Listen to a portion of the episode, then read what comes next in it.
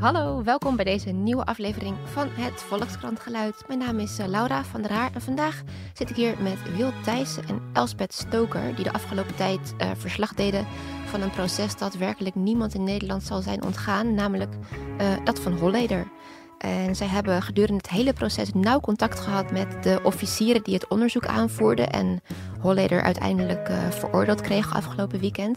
Nou, hoe hebben ze dat nou voor elkaar gekregen, zo'n inkijkje in de keuken van de aanklager, zeg maar? En hoe is het überhaupt om verslag te doen van zo'n megaproces? En zijn ze er zelf nu misschien ook helemaal klaar mee? Nou, daar gaan we het uitgebreid over hebben. Maar eerst het geluid.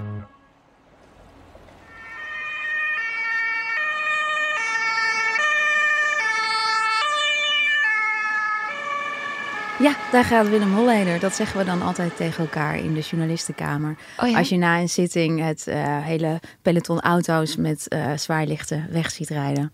Dat is dan vaste prik voor jullie, of inmiddels normaal geworden? Ja, ja of ja. aan ziet komen, dan ook. Ja, want hoe was uh, afgelopen week voor jullie? Best druk. Druk. ja, het was best wel druk. Um, we hadden al heel veel voorbereid. Het uh, grote interview met de aanklager stond eigenlijk zo goed als klaar. Behalve het begin en het einde hadden we, uh, hebben we nog aangepast op het laatste moment. Um, en aan de ene kant verwacht je ook wel zo'n uitspraak. Hoewel ik niet had verwacht dat hij voor alle vijf de liquidaties zou worden veroordeeld. Oh, dat is toch nog verrassend voor je? Ja, ja dat het echt voor alle, voor alle aanklachten gold, uh, ja, vond ik nog wel verrassend. Van de Bijl wisten ja. we zeker. Want daarvoor dat had waren het Hof... de cafébaas en... Ja, uh, en een, een, een ontroerend goedmakelaar. Die, Mhm. hadden, uh, die waren door het Hof in het aanpalende liquidatieproces passage. Daar die had het Hof ook al gezegd. Daarvan, daaraan is mede, Holleder mede schuldig. Maar die andere. En die daarin stond Holleder Holleder niet terecht. Uh, ja. Er stonden zeg maar de veronderstelde criminele companen van uh, Holleder terecht. Ja. Um, maar dus toen, alleen, maar levenslang hadden we wel verwacht. Ja, en to, maar toen de voorzitter van de rechtbank begon met in al die liquidaties zien wij een patroon. Toen wist ik, hij gaat nat. Ja. ja meteen al. En voelde het ook zin. een beetje als voor jullie een soort afsluiting van, van nou ja, het is voor jullie ook een soort proces geweest natuurlijk. Ja, dat was het, maar er komt ook nog een hoger beroep. Dus uh, dat zal ook nog nee, best zwaar op onze tijd nee, gaan drukken. Nee, jullie lezers ook helemaal Sorry, niet. Nee, ja, dikke. Iedereen is helemaal klaar met Holleder. Nee hoor, we zijn er nog jaren zoet mee. Ja. Ja? ja? Heb je daar dan zin in? Of denk je van, oh... Nou, eerst even zomervakantie en dan zien we wel weer verder. ja, want hoe, hoe is het eigenlijk om zo'n ja, echt zo'n mega proces te verslaan? Ik neem aan dat dit ongeveer het grootste is wat jullie ja, gedaan en, hebben, of... Nou, liquidatieproces Passage was ook uh, immens. Dat is wel vergelijkbaar. Met nog veel meer uh, verdachten natuurlijk, want bij Holleder ja. was maar één verdachte. Maar qua media-aandacht bedoel ja. ik misschien meer. Nou ja, dit kijk, voelt bij... voor de lezer althans als... Nou ja, voor mij het grootste proces ooit misschien. Ja, kijk, het gekke is, het klinkt misschien een beetje uh, als een cliché, maar wij gaan natuurlijk alleen maar naar processen die veel media-aandacht mm. krijgen. Dus dat, en dat op zich zijn we het wel gewend, denk ik. Ja, maar ja, dit sloeg toch wel echt alles. Maar het verschil is dat we hier uh, naar bijna alle zittingsdagen zijn geweest. En dat waren er volgens mij een stuk of 63. We zijn niet alle twee alle twee elke keer samen geweest. Uh, heel veel afgewisseld. Um, maar bijvoorbeeld Passage, daar hebben we ook heel veel uh, dagen la ja, laten schieten. En bij deze zaak uh, hebben we ook heel veel live blogs gedaan. Omdat dat ook op de site heel goed gelezen werd. Dus blijkbaar lezers willen er ook heel veel van lezen. Dus wat dat betreft was het wel een heel arbeidsintensief strafproces. Dus soort vraag-aanbod kwestie. Want hier durfde je niks te laten schieten om de lezers maar te blijven bedienen. Of? Nou, ook omdat je niet uh, het kan natuurlijk zijn dat, een, dat het proces op een bepaalde dag een onverwachte, wen, onverwachte wending neemt. Ja, dan is het toch ja. een beetje jammer als jij er niet bent. Ja. Uh, ja, en, en het, was ook heel, het was ook heel interessant om te volgen. Ja, en er kwamen voortdurend nieuwe getuigen, interessante getuigen. Zijn zussen, Peter R. de Vries, Arjan Kale, goede vriend van Cor van Hout, noem maar op. En ja, die, daar wil je bij zijn, daar wil je verslag van doen. Ja, en wist je van tevoren ook dat het zo groot zou worden? ja.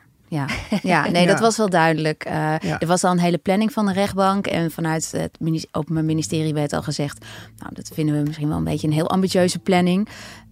Um, dus, uh, en we wisten dat de zussen zouden komen getuigen. Nou, op dat moment, in het begin was nog niet duidelijk dat Peter R. de Vries ook uh, zou komen... en dat, het, dat hij zo'n impact zou hebben.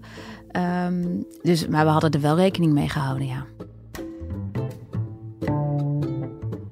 Zat net op de weg hier naartoe op de fiets even jullie podcast te luisteren bij je collega Gijs Groenteman. Het was volgens mij in het voorjaar van 2018. En toen waren jullie nog heel monter en kwiek. En, heel veel... en nu zit u helemaal verlept en oh, uitgeblust. ja, maar ja, jullie antwoorden echt zo volmondig. Hoe is het, zo'n proces? Nou, leuk. Nog steeds? Nou, het was een uh, boeiend proces, ook inhoudelijk. De, ja. Verlos van alle media-aandacht. Ook inhoudelijk mhm. met kroongetuigen en met zussen die verschoningsrecht hebben. En die tegen hun broer desondanks getuigen. Dat zijn allemaal hele bijzondere dingen. Die maak je heel weinig mee in het strafrecht. Dus dat, het is ook echt een bijzonder proces. Ja. Ik vond het heel boeiend. Interessant. ja. En om dat zo samen te doen, want jullie zijn net als die officieren die jullie geïnterviewd hebben, komen we zo nog op terug, maar ook een beetje aan elkaar verklonken geraakt, denk ik. Ja, ja we zijn wel een beetje jut en jul. Ja. Ja. ja, we doen niet altijd alles samen, maar we doen wel veel samen. Veel samen ja. Um, en ja, dat werkt gewoon heel fijn. Ja, zeker. Ja, ja jut en jul. Ja. zo zien ze jullie ook in de journalistenkamer? Of, uh, nou, dat denk ik wel, ja. ze spreken het niet zo uit, maar het zal allicht... Uh, ja ja. zo gezien worden. jullie hebben dus in de afgelopen, ik weet niet hoeveel, twee jaar denk ik ongeveer, iets van zes keer met die twee officieren gesproken, de aanklagers. Ja, klopt. Uh, Lars Stemfer en Sabine, Sabine Tammes. Tammes. Ja. Wat viel nou het meeste op aan die gesprekken? Toch wel hoe openhartig ze waren. Um, ik vind vaak, uh, als je mensen van het OM spreekt, en dat geldt echt niet voor iedereen, maar um, je hebt niet vaak het idee dat ze het achterste van hun tong laten zien. En ik vond dat zij um, wel heel duidelijk inzicht gaven in hoe het werk uh, voor hen is. Um, en de contacten waren ook heel erg leuk. Ja, nee, het zijn bijzondere persoonlijkheden. Ze praten makkelijk. Ze, konden heel scherp dingen duiden. We hadden ook heel veel lol tijdens die gesprekken. En ik had een beetje de indruk dat het voor hen ook wel lekker was om even reflecterend over de zaak te praten met elkaar. En, en, ook met ons, maar dat deed ze normaal natuurlijk niet. Je zit, ze zitten erin en nu was het steeds op reflectief niveau. Ik had de indruk dat ze dat ook wel prettig vonden. Ja, en hoe hebben jullie dat dan voor elkaar gekregen? We hebben een verzoek ingediend. Uh, ik weet oh, niet hoe lang geleden. uh... Ja, ik, volgens mij heb ik de woordvoerder gebeld met het idee. En het idee was afkomstig kregen we omdat ik ooit een keer een verhaal heb gelezen uit de jaren negentig in Vrij Nederland. En dat ging over het, het monsterproces uit de jaren negentig. Dat was tegen, volgens mij tegen de Hakkelaar. En daar uh, volgde een journalist van Vrij Nederland uh, de officieren. Uh, een van hen was Fred Teven. Nou, en dat was echt een heerlijk verhaal. Dus toen dacht ik van nou, we kunnen wel even proberen. Misschien willen deze officieren dat ook wel. Mhm. Nou, en toen zeiden ze ja. Ja, dus dat was mooi meegenomen. dat je niet gewend bent dat er zoveel openheid is. Dat je zeg maar zo'n kijkje in de keuken mag nemen. Ja. Dat is toch dan... Ja, hoe heb je dat dan klaargespeeld? Um, nou, je bedoelt via onze vragen? Of... Ja, ja, ja. gewoon inhoudelijk. Hoe zijn jullie zo nou, diep gekomen, zeg maar? Nou ja, je, je spreekt elkaar zes keer, hè? En... Um, uh, elke keer voor het gesprek zorgden we dat we de bandtekst van het vorige gesprek hadden uitgewerkt. Zodat we precies wisten wat is er nu al gezegd. En uh, waar willen we nog dieper op doorvragen. Um, ja, en op een gegeven moment, je leert elkaar ook wel gewoon kennen. Dus dan wordt een gesprek ook makkelijker en dring je dieper tot elkaar door. Maar zij vroeg ook aan ons, hoe vonden jullie dit, hoe vonden jullie dat, weet je wel? Het was, wij maakten dat proces natuurlijk ook mee. En zij waren ook wel benieuwd naar onze kant van Het is bijna een beetje een wederkerige relatie. Ja, het was gewoon een, steeds echt een gesprek. En het was niet zozeer een interview van vraag-antwoord, maar het was heel veel wederkerigheid. En dat vond ik uh, heel leuk. Ja, loop je daar dan niet een soort van risico mee dat je, nou ja, toch een soort bevooroordeeld raakt of iets te veel op hun hand als journalist? Of ben je daar niet bang voor geweest? Nee, we hebben ook wel hele kritische vragen gesteld, maar ze hadden overal een plausibel antwoord op. Ja. wat ik zelf heel, uh, heel maar dan kom ik op de zaak inhoudelijk. Ik weet niet of ik nu op jouw lijstje vooruit loop. Nee hoor, maakt helemaal niet uit. Het is gewoon een gesprek. Wat ik, wat ik wel interessant vond, is op een gegeven moment zei Lars Stemver tegen ons... toen we echt vroegen van... Uh, uh, heeft de verdediging ook ergens gelijk? En toen zei Lars Stemfer, als de verdediging gelijk heeft, dat betekent dat Sonja liegt, dat Astrid liegt, dat Peter R. de Vries liegt, dat Arjan Kale liegt, dat die liegt en die liegt. En die ging maar door, weet je wel. Ja, daar kun je bij de niks tegen inbrengen. Ja, en of Willem Holleder liegt. Ja, en dat vond ik gewoon heel duidelijk dat samengevat. Ja, ja. Dat, inderdaad een rekensommetje. En je moet ook wel bedenken, weet je, het zijn zes afspraken geweest verdeeld over anderhalf jaar. Maar we zitten, hebben ook uh, ruim 60 dagen in die zittingszaal gezeten. We, bedoel, we hebben ook de kant natuurlijk van de verdediging gehoord. Dus op die manier hou je echt wel voldoende afstand. En op een gegeven moment kan je natuurlijk ook wel een beetje inschatten, uh, nadat je alles gehoord hebt, welke kant het op gaat. Mhm. En hebben jullie dan ook contact met de advocaten van Holleder gehad? Of is dat dan onmogelijk? Nee, ja. ja. Ook wel, maar niet op deze manier. Gewoon nee. um, ze nu dan bellen om te vragen, God, hoe staat het hiermee? Of, ehm, Want je kan je gewoon eigenlijk overal vrij begeven. Nou ja, je hebt het in de bunker heb je, uh, het is een vrij kleine rechtbank. Je hebt de journalistenkamer en daarnaast is de advocatenkamer. En daarvoor staat het koffiezetapparaat. Ja, dus, dus daar, daar spreek je elkaar. daar hangt iedereen de hele dag. Uh, maar goed, dat contact met, het contact met de advocaten was natuurlijk niet uh, dusdanig als het contact met de aanklagers. Dat waren dan koffiepraatjes en... ja. Ja. Want de officier, die liet zich ook ontvallen van, in jullie interview althans, uh, dat hij nog nooit zo'n zaak had meegemaakt. Of dat hij hoopte dat hij nooit meer iets zou meemaken waarvan hij moest zeggen: Ik heb niet alles gelezen. Ja, ja, het is gewoon te veel. bij stilgestaan, maar dat het dan zo. Dat, hij is daar vier jaar mee bezig geweest. Ja, en dan heb je nog steeds niet alles gelezen. Hoe kan het? alle grote drugsonderzoeken vanaf de Heinekenzaak, zeg maar, de Heineken-ontvoering, daar uh -huh. kwam Willem Holleder in voor. In of in ieder geval heel veel. Of uh, lijntje met hem. En al die zaken die hadden maar als van invloed. gaat uitrekenen vier jaar lang. En ik denk dat zij lange dagen maken. Ze zijn met z'n tweeën. Dan hoeveel, hoeveel kilometer leesvoer moet het dan zijn? Volgens mij een half miljoen pagina's. Dus, um, en dan zitten daar nog niet alle onderzoeken in. Nee. Dus dat is nogal veel. Toen Holleder afscheid moest nemen van zijn advocaat Stijn Franke en er een nieuwe advocaten kwamen, toen heeft het proces ook meteen een jaar vertraging opgelopen. Want die advocaten moesten zich oh, helemaal gaan inlezen. Dat is en niet even een en op zich Sander Jansen en Robert Malewitz, die waren al dat deels ingelezen. Dat zijn ze huidige ja. advocaten en die waren al deels ingelezen omdat ze ook passage hebben gedaan tegen Dino S. en andere um, uh, criminelen zoals Jesse R. Dus ze kennen de zaak al deels, ja. maar nog steeds hadden ze een jaar extra. En geldt dat dan ook voor die officieren? Van zijn die ook uitgekozen omdat ze al bekend waren met de zaak bijvoorbeeld? Of, want zij uh, zijn eigenlijk... Sabine Tammes wel, want die heeft uh, bijvoorbeeld ook de zaak tegen de Schrutters van Enstra gedaan. Uh, en zij heeft, ze was ook betrokken bij Passage, maar Lars Stemfer niet. Die is op een gegeven moment gebeld en die dacht, ja, en ja, zoals je ook in het interview zegt van, uh, ik had toch wel van John Mierenmet gehoord. Dat is een van de slachtoffers van Holleder. Maar voor de rest uh, wist hij niks. En waarom, waarom hebben ze hem dan gekozen? Omdat ik hij denk dat grote zaken had gedaan. Hij had grote zaken gedaan. En ik denk dat naam. hij, hij gewoon een hele goede En hij had tijd. En hij had ook aangegeven in een functioneringsgesprek dat hij nog wel een poos zaken wilde blijven doen. Ja. En toen hebben ze hem gebeld van jij gaat dat doen. En hij had, hij had Thomas nog nooit ontmoet. Ja, want die twee die waren toch best wel tot elkaar veroordeeld. Dus je zit vier jaar, wat, wat schreef je nou, een kamertje van drie bij vier ja. samen? Ja.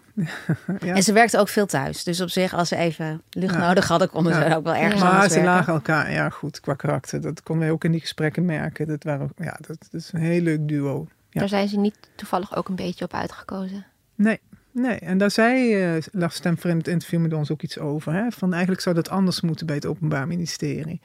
Hij zei, stuur mensen van tevoren even met elkaar uit eten of zo. Hè? Kijken ja, of het je bent toch een soort van team. Maar uh, nee, dat was niet zo. Hij zei, het Openbaar Ministerie het echt geluk dat het met ons zo goed uh, boterde. Ja, en zij hebben dus ook um, nou ja, natuurlijk heel veel begeleiding gekregen. En ook van een psycholoog las ik. Ja om zich nou ja, soort van te wapenen, denk ik dan, tegen het gedrag? Of, of, of om het te doorzien? Nou, het advies. Uh, ze hebben advies ingewonnen. Uh, en ook, ze hebben die psycholoog benaderd ook om zelf een beetje tegen aan te praten over hoe het met hen gaat. Want het is oh, natuurlijk best, ja. uh, best een, uh, nou, het is een enorme uh, zaak die ook nog eens enorm veel aandacht krijgt. maar ze hebben ook die psycholoog advies gevraagd van ja, oké, okay, kijk eens naar het karakter Willem Holleder. Hoe kan je die dan het beste benaderen? Mm. En mede daar op basis van dat advies hebben, ook, hebben ze ook hun verhoorplan opge, opgezet. Oh ja. En hebben, hebben jullie dat zelf dan ook? Omdat je natuurlijk, ja, ik denk jullie hebben Holleder nu ook heel vaak gezien en kunnen meemaken. Dat je daar zelf ook het gevoel krijgt dat je hem kent of zo? Nou, dat durf ik niet te zeggen. Wij hebben ook wel van tevoren uh, met iemand gesproken die heel veel verstand heeft van psychopathie, voorafgaand oh, ja? aan het proces. Uh, omdat zijn zus Astrid natuurlijk altijd heeft gezegd: Mijn broer is een psychopaat. En Holleder is nooit uh, onderzocht. Dus, niet gediagnosticeerd. Dus nee, dus, dus, je, dus je weet niet of, of het klopt. Ehm, maar we hebben wel bij iemand gevraagd: ja, waar moet je dan op letten? Weet je, hoe, hoe zou je dat dan kunnen herkennen? En wat voor dingen waren dat dan? We, nou, iemand die heel makkelijk en veel liegt. Iemand met weinig empathisch vermogen. Um, uh, psychopaten zijn thrill seekers. Hè, die zoeken grenzen op en die gaan heel vaak banken beroven. Ik, je hoort mij niet zeggen dat Holleder een psychopaat is, hè? Maar ik zeg nu alleen wat professionals ons hebben verteld. Ja. En uh, nou is een heel rijtje kenmerken. Maar waar jullie dan bijvoorbeeld in de rechtszaal op moeten letten, hebben, hebben ze dat ook van tevoren verteld? Of waar je dan naar zou kunnen kijken? Nou ja, wat op een gegeven moment was er een, uh, speelden de aanklagers een, een geluidsopname af. Dat was een getapt telefoongesprek waarin Holleder dan echt een elfjarig meisje helemaal verrot scheldt. Echt, uh, nou, het, het, was echt een verschrikkelijke explosie van verbaal geweld wat je, wat je hoorde. En um, nou, Holleder deed daar heel uh, nonchalant over, alsof het allemaal niks hij voorstelde. hij lachte erom. Ja. Vol, ja volgens de aanklagers ja. lachte hij er zelfs op dat op, uh, moment om. Um, ben je daar dan verrast door als je daarbij zit en je ziet dat? Of denk je, oh ja, dit, dit klopt? Nou, ik was, wel, ik was wel verbaasd door die explosie van verbaal geweld. Ik dacht wel, jeetje. Dat, uh, um... Terwijl jullie toch al best wel aardig wat voor de kiezen hebben gehad, neem ik aan, in al die rechtszalen. Ja, maar dat je een kind van elf zo verrot scheldt. Dat komt op zich niet heel ja, vaak voor in de rechtszaal. Ja, ja. ja. Dat, uh, die officieren die zijn zelfs ook bedreigd volgens mij. Uh, in het verleden. In het, in het verleden. In dit proces ja. niet. Uh, dus ze hebben verteld dat er op een gegeven moment aan het begin van het proces zachte informatie was. Dus dat was niet dusdanig ernstig dat, je, dat ze in een beveiligingstraject gesleurd werden. Maar wel dat ze te horen kregen, joh, kijk een beetje goed om je heen. Kijk over je schouder. Ja, ja. Is dat dan nu uh, nou ja, minder of juist meer geworden na zo'n oordeel? Ik heb nou niet de indruk dat ze zich op dit moment ernstig zorgen maken. Nee, ze zeiden wel dat is wel opmerkelijk. Um, dat op de dag dat Holleder van de EBI afkomt, de extra beveiligde inrichting in Vught, en weer gewoon tussen gedetineerden komt en meer kan communiceren met de buitenwereld, dat, dat vinden zij wel uh, iets uh, tikkie zorgelijk. Ja, want je bent toch degene die hem um, nou ja, met een klap van de hamer. Tussen vier muren heeft gezet. Dat, ik zou dat niet zo heel graag op mijn geweten hebben, ja. denk ik, bij iemand als Willem Holleder. Nou, daar vroegen we daar en daarvan zeiden ze letterlijk, ja, daar hebben wij geen antwoord op. Ja, ja. maar ze vinden het bij hun werk horen. Ja. Ja, knap. En wanneer zou zoiets dan spelen dat hij op het, van die EBI afkomt? Nou ja, dat bepaalt het Openbaar Ministerie. Die Oh, gaat over de execu- executie van een uh, straf. Ja, ja. En ik weet, het enige wat ik weet is dat uh, Mohammed B. Uh, wij praten altijd in initialen. Ja, behalve bij de, Willem H. De moordenaar van Theo van Gogh. Die zit volgens mij al twaalf jaar nu op de extra beveiligde inrichting in Vught. Oh. En dat is, dacht ik, de langst zittende daar. Zo. En daar is volgens mij ook geen jurisprudentie dus van hoe lang je iemand daar kunt houden. Dus Kijk, dat weet ik niet. Kijk, Dit hij is- daar gezet uh, omdat hij een dreiging vormde voor zijn zussen en Peter R. de Vries uh, enkele jaren geleden. Mhm. Kijk, maar als je helemaal afgezonderd zit, dan op een gegeven moment kan je geen dreiging meer vormen. Dus het is Ook gewoon, niet door loyale maatjes bijvoorbeeld? Of... nou ja, dat moet je wel kunnen bewijzen als. Ja. eh, Voor de rechter hè, eh, moet je, oh ja, als je ja. dan gaat Ja. zo iemand procederen, die, als Ja. hij van zo'n eh, EBI af wil. En dan eh, moet je nieuwe argumenten hebben waarom iemand daar zou moeten blijven. En Ja. op een gegeven moment heb je die niet meer, want iemand zit daar, dus die kan niks. Ja. En hebben jullie daar zelf ook wel eens last van? Een soort angst? Of... Nee, ik denk dat Willem Holleder de Volkskrant niet leest. Nee, denk je niet? Ik, denk Ik wel heb geen flauw hij, ik idee, denk wel maar- dat hij naar Volkskrant podcasts luistert. Oh, help. Zal, ja, dat zal ik mijn volgende vraag maar niet vragen. Want ik wou net zeggen, ik ben er wel een beetje klaar mee eigenlijk met Willem Holleder. Want dat je niet luistert. Oeh, nu weet je zeker dat je het haasje bent. Hebben jullie dat zelf niet? Nee, ik heb dat niet. Holleder moeheid? Nee, mm, nou, afgelopen week was wel heel veel allemaal. Maar ik vind het inhoudelijk gewoon echt een heel interessant proces. Ja. Ja. dit zijn hele excessieve processen, dat zie je niet veel. En het had ook afgelopen anderhalf jaar telkens weer een onverwachte wending. Hè? Je hebt op het laatste moment weer die Holleder tapes gehad van Peter R. de Vries. Astrid Holleder kwam op het laatste moment ook nog met een opname eh, aan. Dus er gebeurde ook telkens wel weer wat. Ja. Ja. En ja, ik weet niet hoe het in hoger beroep gaat zijn, maar je kunt niet uitsluiten dat er vast nog wel. veel meer- Ja, wie, wie weet zijn er nog meer verrassingen. Ja, dus jullie zijn eigenlijk nu een beetje verwend. Want nu moet je weer terug naar de normale gang van zaken. Ja, ja we gaan het zien. ja, ik denk niet dat we het hoger beroep zo intensief gaan volgen als, eh, als de eerste aanleg. Nee, dat denk ik niet. Dus back to business. Ja. Weer de gewoon de rechtszaal in. Ja, Ja, ja, er zijn er genoeg boeven. Jullie, ga- ja. jullie gaan hem niet missen. Nee, nee, nee, nee. En hij komt altijd weer terug hè, in hoger beroep. ja. ja. Hey, dankjewel dat jullie hier wilden zijn. Nou, graag gedaan.